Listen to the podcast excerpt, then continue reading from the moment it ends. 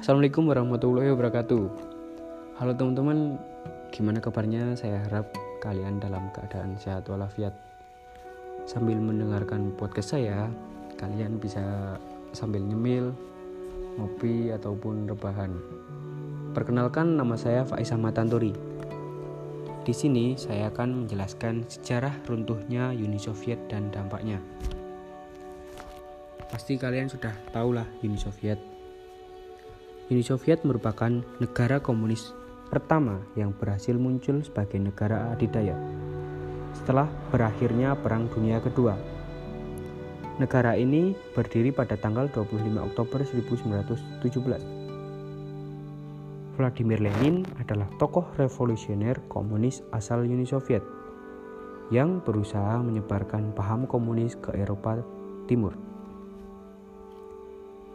Sebagai negara adidaya, Uni Soviet pernah melancarkan serangan kepada musuh bebuyutannya, yaitu Amerika Serikat dalam Perang Dingin. Amerika dan Uni Soviet ini seperti Tom dan Jerry yang tak pernah akur. Namun, pada akhirnya Uni Soviet kalah dalam perang tersebut. Dan pada tanggal 26 Desember 1991, Uni Soviet resmi bubar. Ada beberapa faktor yang mengakibatkan runtuhnya Uni Soviet. Faktor yang pertama adalah keragaman budaya. Dengan wilayah yang sangat luas, di mana negara ini membawahi 15 negara bagian yang berbentuk republik. Karena itu, Uni Soviet pernah menjadi negara terbesar di dunia. Karena luas wilayahnya tersebut, Uni Soviet memiliki keragaman budaya. Beberapa negara bagian yang tidak puas dengan kinerja pemerintahannya melakukan perlawanan. Hal ini mengakibatkan awal mula Uni Soviet mulai goyah. Faktor yang kedua adalah pemerintah yang totaliter. Pemerintah di Uni Soviet pada masa Lenin dan seterusnya memiliki sifat totaliter. Sebenarnya tujuan dari penerapan sifat ini pada kepemimpinan diktator tidak sepenuhnya jelek. Para penguasa menginginkan sebuah keter, keteraturan dalam negara agar cepat mencapai tujuannya sehingga rakyatnya harus sepenuhnya percaya pada negara dan pemerintah. Karena keharusan menghargai negara dan sepenuhnya sepenuh kepercayaan, akhirnya beberapa pihak dalam negeri yang mencari keuntungan memanfaatkan keadaan ini. Mereka bertindak sebagai orang-orang penjilat yang tidak benar-benar peduli dengan rakyatnya mereka bersikap untuk menyenangkan negara dan pemerintah demi kepentingannya sendiri. Sementara itu, pemerintahan yang totaliter membius rakyat kecil dalam berkreasi dan berpendapat. Mereka tidak dapat mencukupi kebutuhan hidupnya dengan caranya sendiri. Sifat totaliter ini juga sangat mengekang setiap gerakan yang berusaha meneriakkan kebebasan. Untuk memantapkan sifat totaliter di Uni Soviet, negara ini memiliki polisi rahasia yang bernama KGB yang terkenal kejam. Faktor yang ketiga adalah kemiskinan yang melanda Uni Soviet. Akibat pemerintah yang totaliter, menjadikan rakyatnya miskin. Perekonomian di sana yang sangat maaf, perekom, perekonomian di sana yang menganut sistem sosialisme menyebabkan segala hal yang berurusan dengan ekonomi harus melibatkan pemerintah. Hal ini mengakibatkan ekonomi di Uni Soviet tidak ada perubahan karena pembungkaman kreativitas. Sementara itu, pengelolaan kas negara justru lebih difokuskan pada negara sahabat di kancah internasional daripada untuk kesejahteraan rakyatnya sendiri. Kemiskinan ini menjadi salah satu faktor runtuhnya Uni Soviet. Yang keempat adalah kebijakan Gorbachev.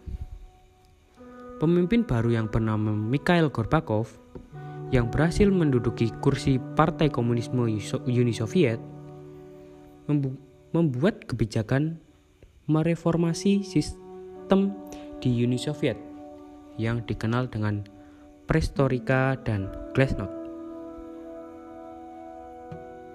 Prestorika atau percepatan ekonomi Kebijakan ini malah menjadikan ekonomi di Uni Soviet menjadi turun drastis. Prestorika dinilai kurang efektif, malah melemahkan Uni Soviet sendiri.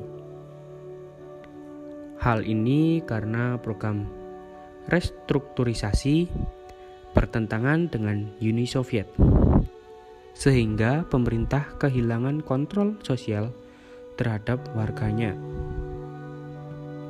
Glasnost atau keterbukaan dipercaya dapat menjadikan pemerintah Uni Soviet dengan lebih baik, lebih efisien, dan menekan tingkat korupsi di Uni Soviet. Yang kelima adalah bubarnya Pakta Wasarwa. Pakta Wasarwa dilangsungkan di Wasarwa, sebuah daerah milik negara Polandia. Fakta ini menghasilkan kesepakatan di antara seluruh negara komunis yang berada di Eropa. Kesatuan militer komunis lahir dari kesepakatan Wasarwa ini yang resmi disepakati pada tanggal 14 Mei 1955. Bubarnya Fakta Wasarwa ini diakibatkan oleh Uni Soviet sendiri. Sebagai negara didaya di antara negara komunis Eropa, Uni Soviet memegang peran penting di dunia komunis internasional. Kebijakan Gorbachev yang mulai membuka diri, pengaruh politik Amerika sangat kuat terhadap perekonomian Uni Soviet dan seluruh dunia, mengakibatkan fakta tersebut perlahan melemah dan bubar. Tujuan dari dibentuknya Pakta Wasarwa sebetulnya untuk mempersiapkan dari penerimaan serangan dari NATO, aliansi militer milik blok barat yang dikepalai oleh Amerika Serikat.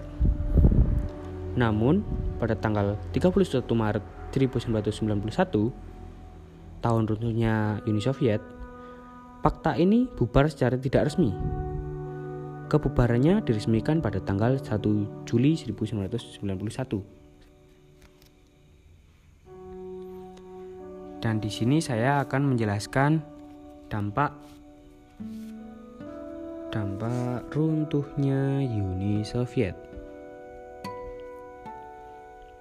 Dampak runtuhnya Uni Soviet.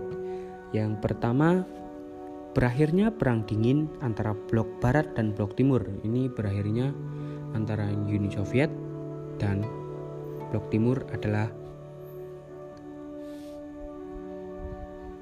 blok barat dan blok timur. Yang kedua, munculnya 15 negara baru di kawasan Eropa Timur. Nah, negara 15 negara baru ini merupakan perpecahan dari negara bagian Uni Soviet. Yang ketiga, menandai kehancuran sistem komunisme di dunia.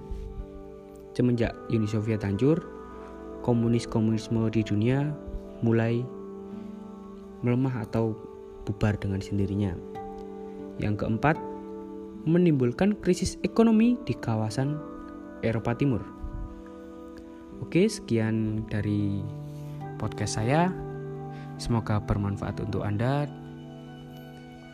Kurang lebihnya mohon maaf. Wassalamualaikum warahmatullahi wabarakatuh. Terima kasih.